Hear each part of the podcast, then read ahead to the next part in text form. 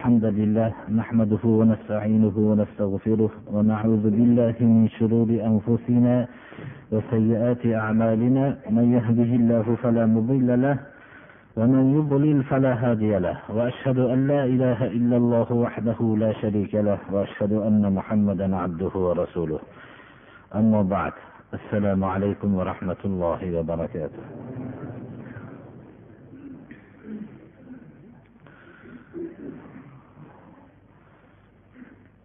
فاستعيذ بالله. فلولا كان من القرون من قبلكم أولو بقية ينهون عن الفساد في الأرض إلا قليلا ممن أنجينا منهم. واتبع الذين ظلموا ما أترفوا فيه وكانوا مجرمين. وما كان ربك ليهلك القرى بظلم وأهلها مصلحون. subhanahu va taolo biror bir ummatni ogohlantiruvchi payg'ambardan xoli qilmadi.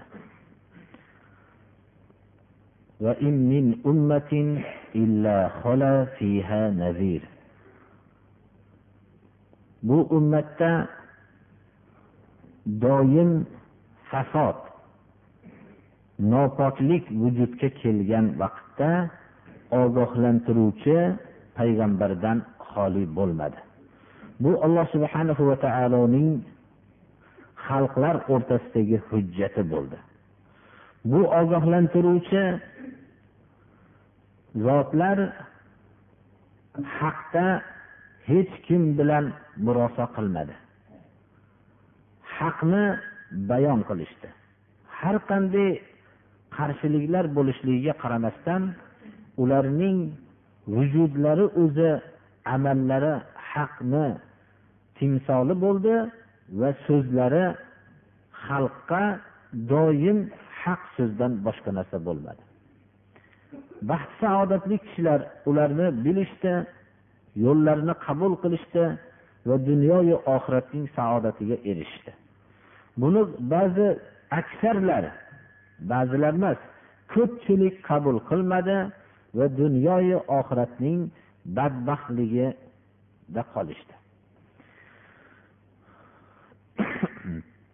rasululloh sollallohu alayhi vasallam ham bashorat berdilarki u kishi oxirgi payg'ambarlar u kishidan keyin payg'ambar yo'q qiyomatgacha o'zlarining haq toifalari qolishligini bashoratini berdilar لا تزال طائفة من أمتي ظاهرين على الحق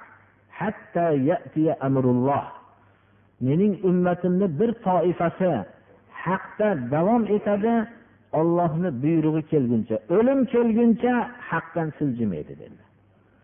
Haqda bo'ladigan kishilar bo'ladi lekin hayotining bir qismida bo'ladi.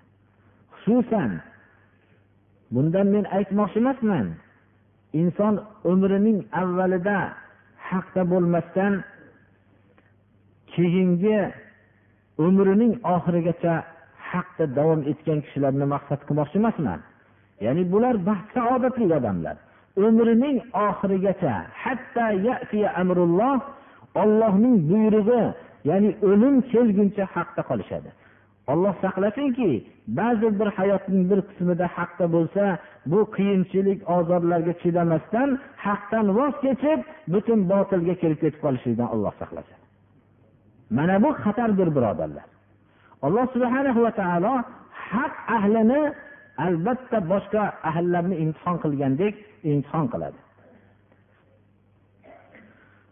Undan tashqari bu haq ahllari o'zlarining rab taolo oldidagi vazifalarni o'tashliklari va haq oldidagi vazifalarni o'tashliklaridan tashqari millatning xotirjam ollohning azobidan saqlanishligining bir kafolati bo'lib qoladi. Alloh subhanahu va taolo millatda haqqa buyuruvchi va haqni ta'sirini o'tkazuvchi kishilar modomiki millatda bo'lar ekan alloh subhana va taolo u millatni halok qilmasdan turadi. Haq ahliga zulm berayotganlar bu so'zni bilib olishlari kerak. Agar shu haq ahllari bo'lmasa haqqa amal qiluvchi va haqni hech qanday malomatchining malomatidan qo'rqmasdan yetkazuvchi toifa ummat bo'lmasa ollohning azobi tushib u millat yo'q ketadi. Agar buni bilganda zolimlar ham haq ahliga zulm yetkazmagan bo'lardi. Odamlar nodon odamlar ham haq ahliga zulm yetkazmagan bo'lardi. Chunki haq ahli alloh subhanahu va taoloning g'azabidan to'sib turuvchi bir to'siq deb aytsak xato bo'lmaydi birodarlar. Mana bu oyat ham bugungi darsimiz shunga dalolat qiladi. Sizlardan ilgarigi o'tgan ummatlardan o'tgan asrlarda o'tgan ummatlarning xayr ahlidan bo'lgan qoldiqlari bo'lsa bo'lmasmidi? Xayr ahlidan bo'lgan qoldiqlar yo'qmi? Yerdagi fasoddan qaytarib turadigan.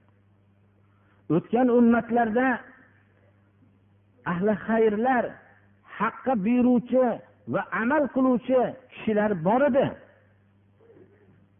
Ular yerdagi fasoddan qaytarib turadigan ummatlardan kishilar edi. Mana bu kishilarning qoldiqlaridan bor bo'lsa bo'lmasmidi? O'tgan ummatlarda shunday ahli xayrlardan haqqa buyuruvchi fasoddan qaytaruvchi kishilar bo'lgan. Lekin oz bo'lgan. Ulardan biz najot bergan oz qism bo'lgan. Haqiqatda fasoddan qaytaruvchi kishilar hayotda oz bo'ladi. Bu kalima qur'oni karimning iborasi juda daqiqdir birodarlar.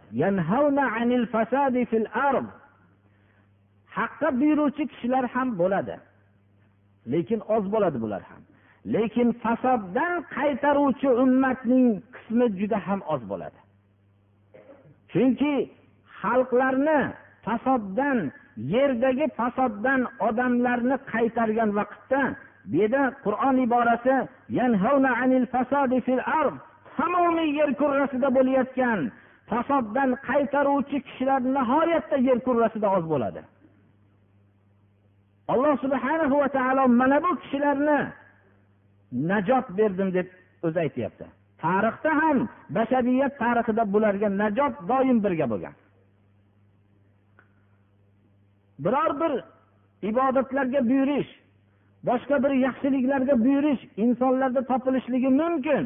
Ammo bu qism ham oz fasoddan qaytargan vaqtda nodon xalqlarning qiyomati bo'ladi. Butun vujudi bilan qarshi bo'ladida fasoddan qaytargan kishiga nisbatan. Vaholanki bu fasoddan qaytarishlik ayni o'zi shu ummatning manfaati edi. Hozirgi vaqtda buzuq nopok fohishadan qaytargan kishini yer kurrasidagi shu buzuq ishdan qaytargan kishini kam topasiz. Mast qiluvchi ichimlikdan shoir bo'lib ketayotgan mast qiluvchi ichimliklardan bulardan qaytargan odamni kam topasiz. Chunki buni qaytargan vaqtda tamomiy razil odamlarning qiyomati bo'ladi. Bu fasoddan qaytarishlik alloh subhanahu va taoloning baxtli bandalariga nasib bo'ladi. Undan tashqari hamma fasodning avvali bo'lgan shirkdir birodarlar. Shirkdan qaytargan vaqtingizda o'zini musulmonman deb sanagan odamlarning ko'pini sizga qarshi bo'ladi. Fasodning avvali shirkdir. Bu shirk hamma turlari bilan fasoddir.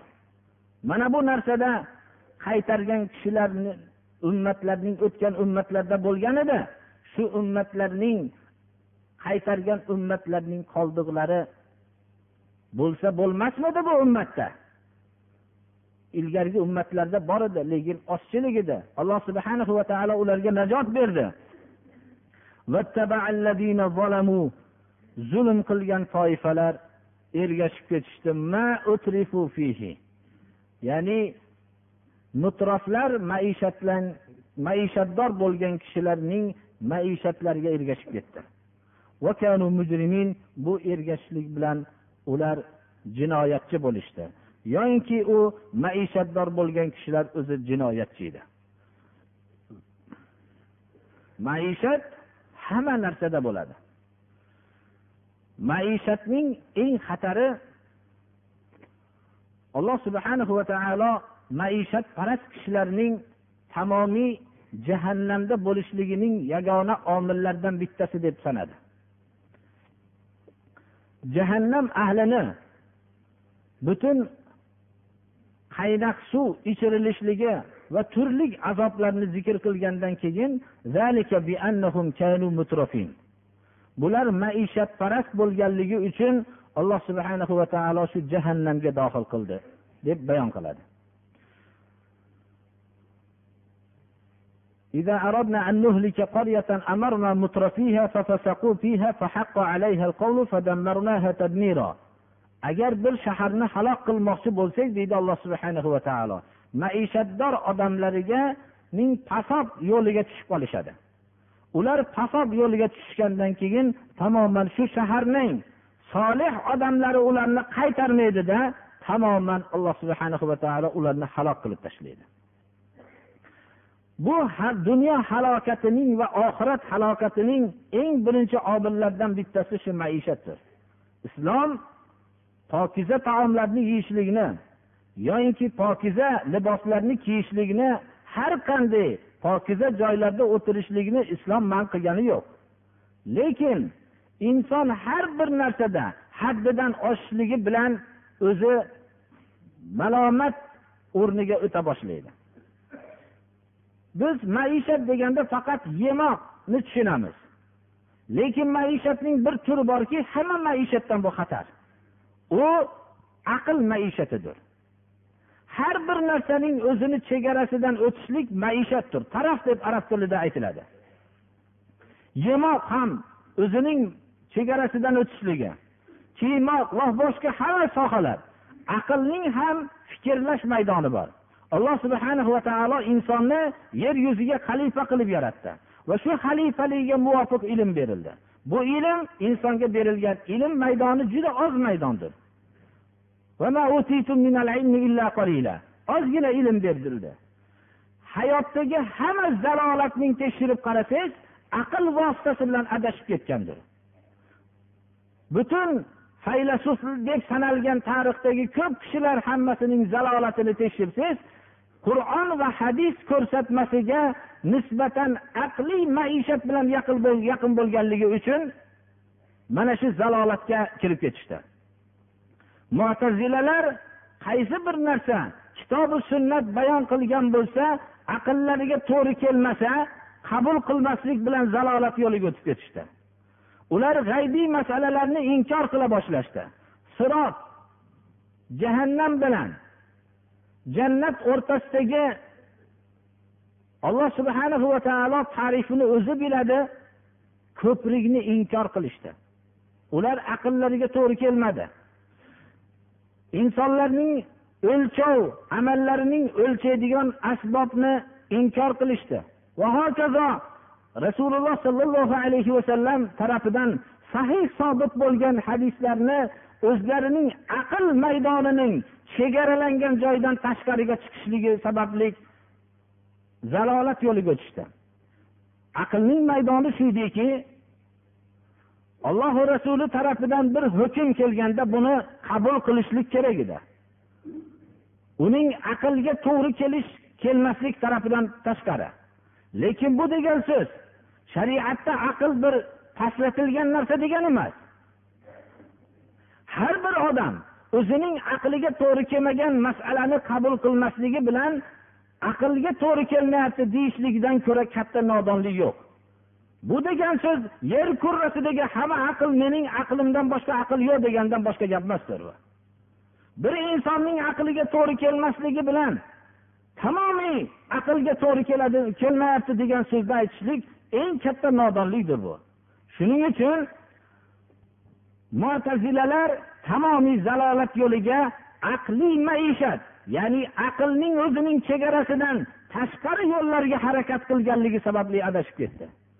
Dunyodagi aksar yo'llarning zalolatini tekshirib qarasangiz aqliy maishat sababli adashgandir ular.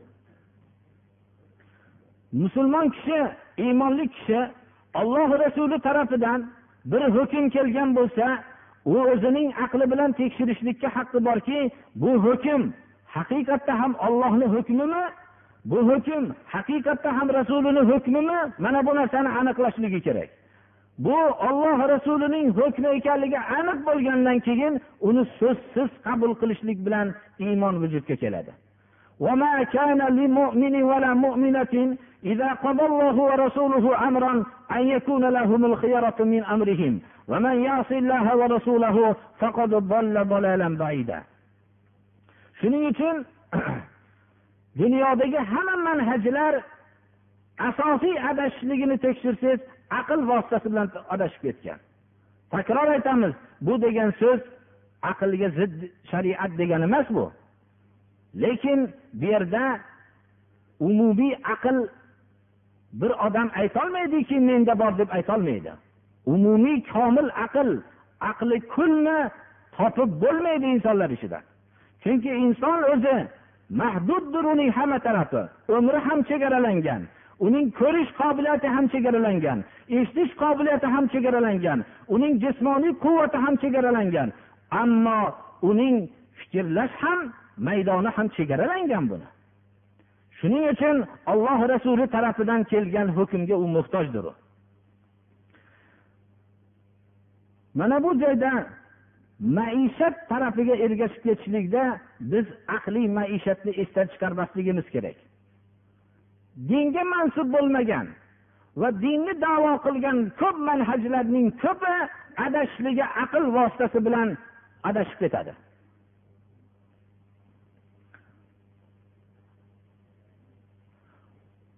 وما كان ربك ليهلك القرى بالظلم واهلها مصلحون alloh subhanahu va taolo yer kurrasini obod qildi shaharlarni obod bo'lishligini olloh iroda qildi insonni yer yuziga xalifa qildi yerni nihoyatda go'zal qilib yaratdi uning go'zalligiga insonlarning xilofat vazifasi bilan yana ham go'zal qilishligini o'zi iroda qildi Insonlarga shu yerni obod qilishlikka bo'lgan aql ne'matini berdi va bunga qobiliyat berdi. Mana bu obod qilgan shaharlarni alloh subhana va taolo o'zi halok qiluvchi emas. Hargiz halok qiluvchi emas zulm bilan. Va ahluha muslihun bu shahar ahllari isloh qiluvchi kishilar bo'lar ekan. Olloh bu obod qilgan yerini obod qilgan shaharlarni halok qiluvchi emas. Ammo bu yerdagi ahllar muslih sifatini yo'qadi yo'qotadi. Isloh qilishlik sifatlarini yo'qotadida yerda fasod tarqata boshlaydi. Bu bu obodlik faqat fasodga ishlaydi. Hozirgi vaqtda ham tekshirib ko'ring birodarlar. Insonning aqli juda ko'p narsalari insonni yo'qotib tashlaydigan narsalarni ixtiro qilishlikka ishlayapti. Insondagi berilgan ne'matlar moli davlatlar fohishabozlikka ishlayapti. Butun mast qiluvchi ichimliklarni ichishlikka ishlatyapti. Odamlarning butun qatl qilib yo'qotishlarga ishlatilyapti. Tamomiy fasodga berilgan ne'matlar ishlagandan keyin alloh subhana va taolo bu obod shaharlarni halok qilib tashlaydi. Olloh zulm bilan bir shaharni halok qiluvchi emas hargiz. O'zi obod qilgan yerini zulman halok qilishlikni xohlamaydi. Lekin bu shahar ahli bu obodonchilikka shukur qilmasdan balki bu obodonchilikni faqat fasodga ishlatgandan keyin alloh taolo halok qilib tashlaydi.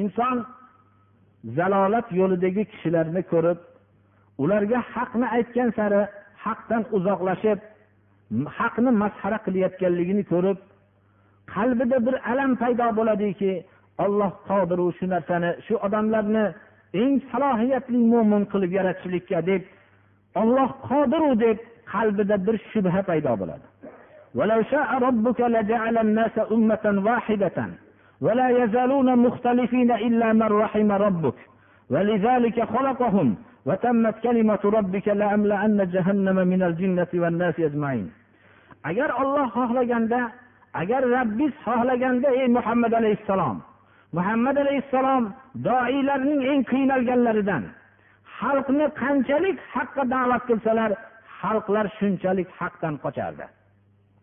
Shunchalik haq egasi bo'lgan ollohning ulug' payg'ambariga ozor berardi.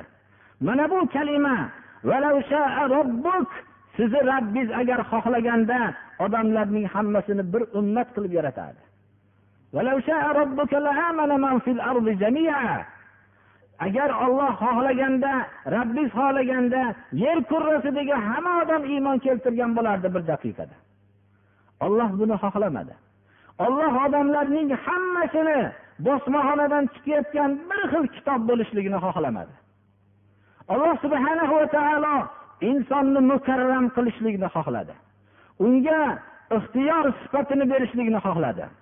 Iymonni o'zining ixtiyori bilan tanlab olishligini kufrni ham ixtiyori bilan tanlab olishligini iroda qildi. Olloh insonlarni bir jihoz bir jihozdan chiqayotgan bir oddiy bir narsaga o'xshagan bo'lishligini xohlamadi. Insonlarning bir joyga qo'yib qo'ysa tek turaveradigan ixtiyorsiz bir boshqa maxluqlaridaqa bo'lishligini xohlamadi. Alloh subhana va taolo o'zining ixtiyor sifati bilan insonni mukarram qildi. Unga bir qisman ixtiyor berdi. Mana bu ixtiyor bilan iymon keltirishligini mana bu ixtiyor bilan kufrni ixtiyor qilishligini iroda qildi. Agar rabbiz xohlaganda odamlarning hammasini bir xil qilib bitta ummat qilib yaratib qo'yardi. Xuddi bir bosmaxonadan chiqqan kitobdek qilib qo'yardi. Lekin olloh ularning ixtiyorlik bo'lishligini xohladi. Haqiqatda ham ixtiyor sifati insonning mukarram qilgani. Adam odam avlodini mukarram qildik deyapti alloh taolo. U bir narsani xohlasa qilolmaydigan xohlamasa qilmaydigan bir ulug' sifatni alloh taolo insonga berdi. Buni maloikalarga ham bermadi hayvonlarga ham bermadi. Biror bir o'zining mavjudotiga bermagan sifatni insonga berdi. Endi bu mukarram bo'lgan sifat bilan ollohni inkor qilishlikdan ko'ra katta sharmandalik yo'qdir zindagi omadbaroyi bandagi zindagi bebandagi sharmandagi. Hayot bandalik qilishlik uchun berilgan edi. Endi bandaliksiz bo'lgan hayotdan ko'ra katta sharmandalik yo'qdir o'zi hayot o'zi bir narsaga berilgan. Shu narsa uchun berilgan edi. Shu narsadan boshqa hamma sifat topilsa shu sifat topilmasa asli berilgan maqsad bo'lmasa bundan bundan katta sharmandalik yo'q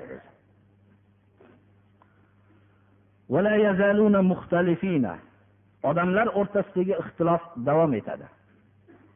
Ular ixtiloflari oxiri aqidadagi ixtilofga boradi. Ixtilof qobiliyatlarda bo'ladi. Ixtilof ko'rinishlarda bo'ladi. Ixtilof bu butun a'zolarning qobiliyatlarida bo'ladi. Ixtilof ilm martabalarida bo'ladi. Ixtilof amal martabalarida bo'ladi. Ixtilof hamma turda bo'ladi. Borib borib bu ixtilof aqidadagi ixtilofga boradi. Bir tarafdan mo'min aqidasi sahiy bo'lganlar ikkinchi tarafda fasod aqidadagi bo'lgan kofirlar turlari necha turli bo'lishligidan qat'iy nazar. Bular shu ixtilofda qolishadi.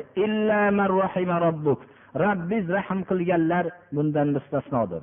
Payg'ambarlar yo'liga ergashganlar bundan mustasnodir. Bular ollohning rahmatiga sazovor bo'lganlar. Olloh rahmat qilib ixtilof qilmaganlar.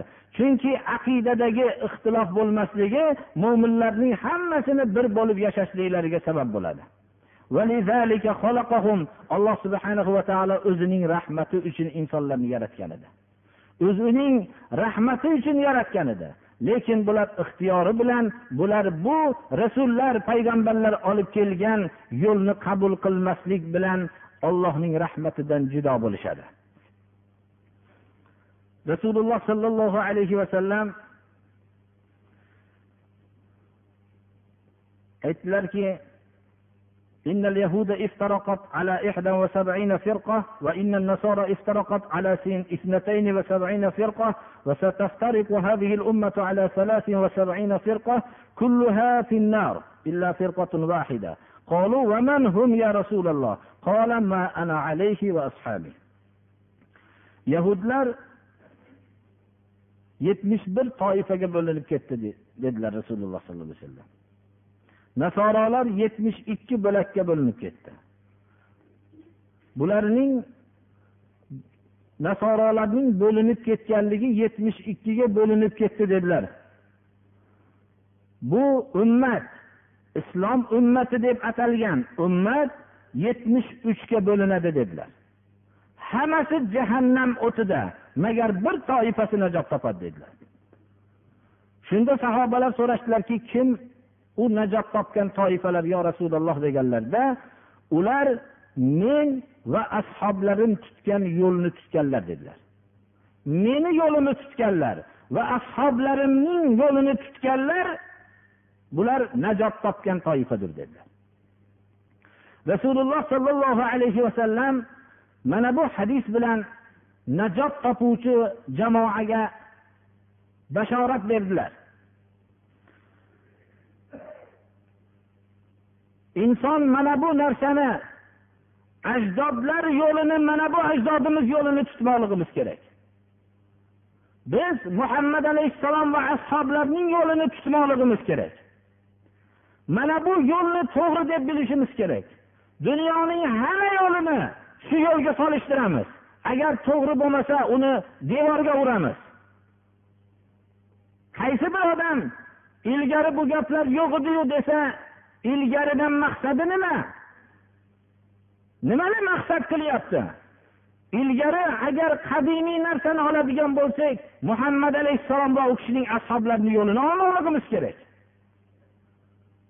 Millatlarning adashishligi o'zining ajdodlarini yo'lini tutishlik bilan adashadi yer yuzida hamma odam xato qiladi. Magar muhammad alayhissalomning ko'rsatmasigina pokiza yo'ldir. Chunki u kishi havodan gapirmaydilar.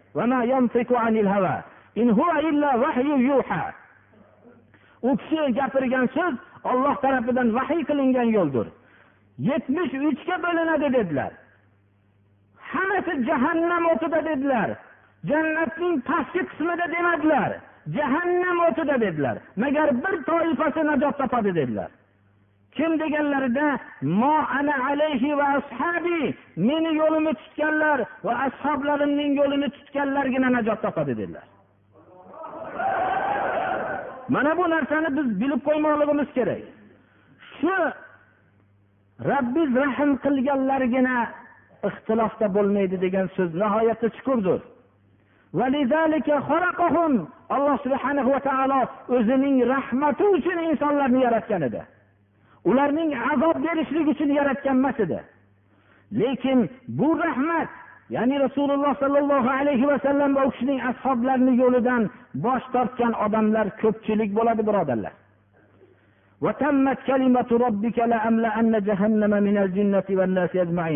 Rabbingizni kalimasi sabqat qildi. Tom komil bo'lib muhrlandi. Jahannamni jinlar va insonlar toifasining hammasi bilan to'ldiraman deb. Alloh subhanahu va taolo jahannamga xitob qiladi. Jahannamga hisobsiz odam uloqtiriladi.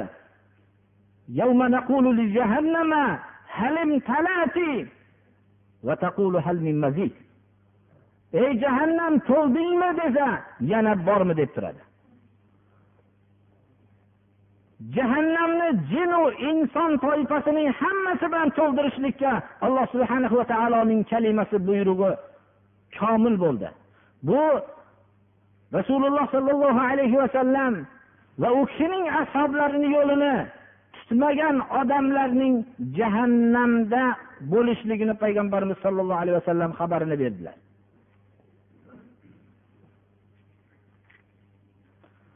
وكلا نقص عليك من أنباء الرسل ما نثبت به فؤادك وجاءك في هذه الحق وموعظة وذكرى للمؤمنين bu yuqorida sura hudni mana o'qidik birodarlar ko'p payg'ambarlarning qissalarini alloh subhanahu va taolo xabarini berdi alloh subhanahu va taolo rasuliga minnat qilyapti va kullan bu xabarlarning hammasi bu xabarlarni biz sizga qissa qilib berayotgan payg'ambarlar xabarlari nima uchun?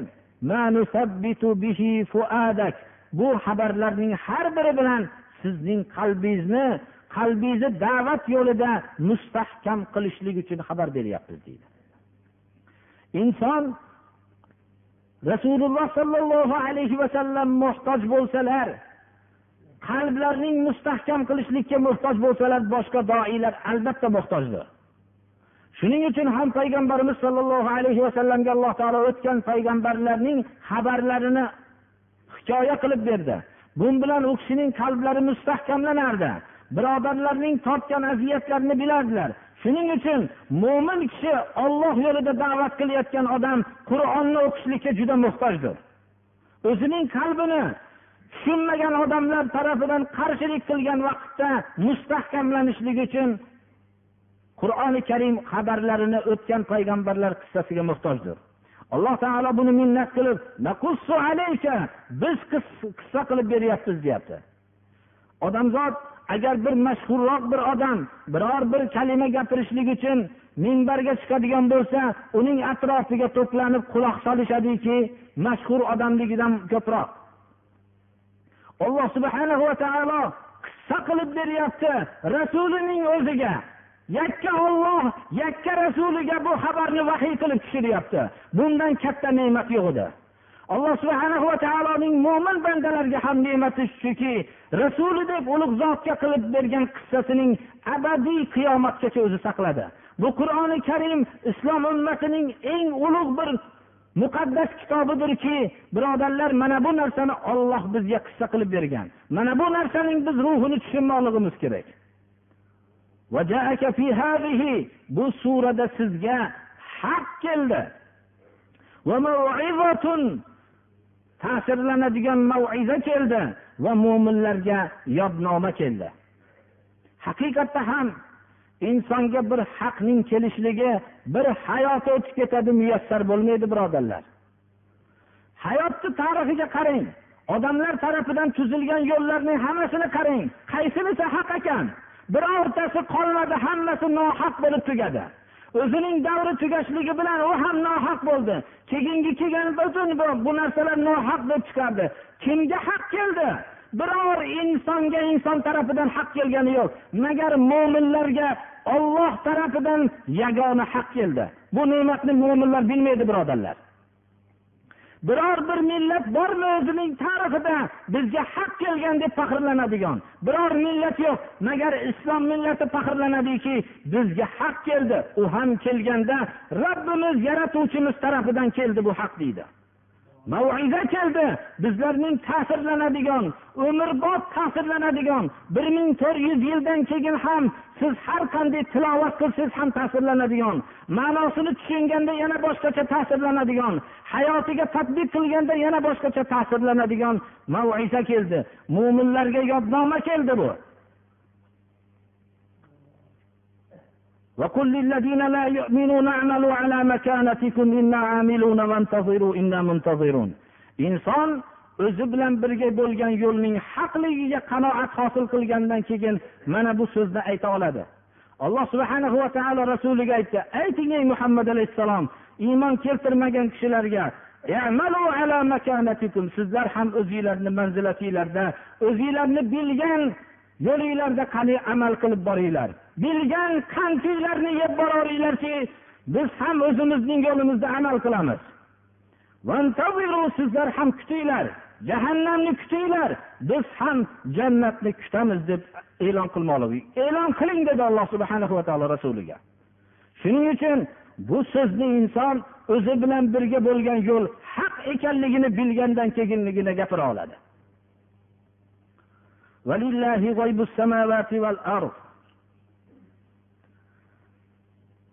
وإليه يرجع الأمر كله فاعبده وتوكل عليه وما ربك بغافل عما تعملون koinoti yerdagi hamma g'ayb olloh subhanahu va taoloning o'zini mulkidir o'zigina biladi koinoti yerdagi g'aybni biluvchi zotdir hamma koinoti yerdagi ma'lum bo'lmagan narsalarning hammasi alloh subhanahu va taoloning o'ziga qaytadi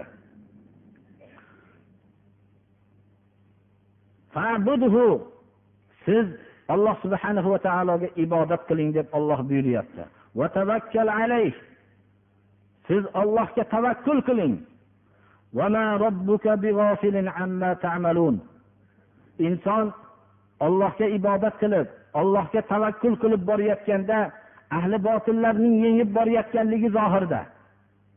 Ularning rivojlanayotganligi haq ahllarining cho'kib borayotganligini ko'rganda inson olloh ko'rib turibdimikin bizni holatimizni degan shubhalar paydo bo'ladi. Sizni rabbingiz sizlar qilayotgan amaldan g'ofil emas hammasini ko'rib turibdi. Qur'oni karimning bu surai hud mana allohga hamdlar bo'lsinki mana sura tamom bo'ldi. Inshaalloh sura yusufni yanagi jumadan darsi boshlanadi. Surai hud alayhissalomning avvalini esga olinsa birinchi alloh subhanahu va taologa bo'lgan yakka ollohgagina ibodat qilishlikka bo'lgan buyruq bilan boshlandi. Va tugashi ham yakka ollohga ibodat qilishlik va tavakkul qilishlik bilan tamom bo'lyapti. Bu nazm tarafidan ham suraning qanchalik bir daqiqligiga dalolat qiladi. Ikkinchi tarafdan rasululloh sollallohu alayhi vasallamga oyatlar tushgan vaqtda bu oyatni falon suraga yozinglar deb buyurardilar bu shu oyatlarning suralarga qo'shishligi ham alloh subhana va taoloning buyrug'i bilan bo'lganligiga dalolat qiladi birodarlar. Alloh subhana va taolo bizlarni ham shu sura hud oyatlari bilan foydalantirsin boshqa oyatlar bilan foydalantirilganga o'xshagan. Va taolo bemorlarga alloh shifo bersin. Farzandi yo'q kishilarga alloh taolo solih soliha farzandlar bersin. Alloh subhanahu va taolo islomga zafar bersin. Islomga yordam berayotganlarga alloh yordam bersin. Zarar yetkazaman deganlarga alloh to'g'ri yo'lni ko'rsatsin. To'g'ri yo'lni ko'rishda xohlamasa alloh o'zi kifoya qilsin. Alloh subhanahu va taolo mustazafini jahonga alloh taolo najot bersin. Alloh subhanahu va taolo hammamizni ham tutayotgan ro'zalarimizni alloh taolo qabul qilsin. Shuni ham eslab qo'yaylik. Mana ko'p birodarlar bu yilgi ro'zani ta'sirini ko'p mana sezib turibsizlar hammanglar ham. Yo'llarni bo'yida o'zlarining oshxonalarini bekitib qo'ygan birodarlardan alloh taolo rozi bo'lsin. Shu hayo qilibdi iymon bersin ularga. Shu hayoni ziyoda qilsin va shunda hayosizlik qilayotganlarga alloh hayo bag'ishlasin. Birodarlar bu ramazoni sharif keldi. Menga endi dunyoviy manfaat kerak emas deb shu narsani qilishlik bu juda katta bir iymondir bu. Shunda men avvalgi jumada shu haqda qisqa ishora qilib duo qilib ketganimda bir kishi oldimga kirib so'radi. Bizni ukamiz bir non yasab sotardi. Shuni ham qilmay tursinmi deb. Yo'q unday emas birodarlar. Non qilish mevalarni sotish bular hammasi durust. Lekin mevani so'yib masalan qovunni so'yib sotishlik durust emas. Chunki buni qovunni so'yib e, sotayotganda ana shu vaqtda yeyishligini biladi. Shuning uchun bu durust emas. Bu non qilishlik bu narsalar hammasi bu musulmonlarning va boshqa hamma odamni ehtiyoji bu narsani qilishligi durust bo'ladi. Lekin tayyor taomlarni qilayotgan odamlar ramazon kelishi bilan shuni to'xtatganki shuni mana ko'p joylarda ko'zinglar tushib turibdiki xuddi bu yerlar oshxona bo'lmagandek bo'lib qolganki alloh taolo shularni iymonlarini ziyoda qilsin. Shu ollohdan qo'rqib shu narsani to'xtatibdi alloh taolo kasblariga keyingi vaqtlarda barakot bersin.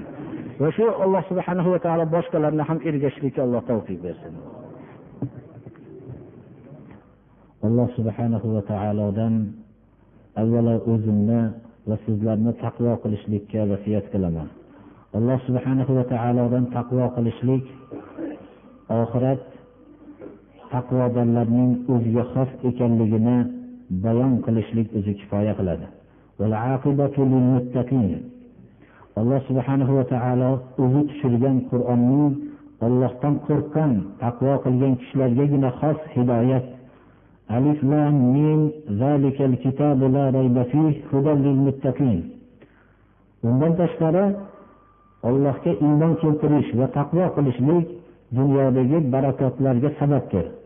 ولو أن أهل القرى آمنوا واتقوا لفتحنا عليهم بركات من السماء والأرض ولكن كذبوا فأخذناهم بما كانوا يكسبون agar shahar ahllari iymon keltirishganlarda va taqvo qilishganlarda osmondan barakot darvozalarini ochib tashlardik deyapti alloh taolo ahli kitoblarni ham ogohlantirib ولو أنهم أقاموا التوراة والإنجيل وما أنزل إليهم من ربهم لأكلوا من فوقهم ومن تحت أرجلهم agar ahli kitoblar tavrotni injilni barpo qilishganda ya'ni bunga amal qilishganda o'zlariga tushirilgan qur'onga amal qilishganda qur'onga amal qilishlik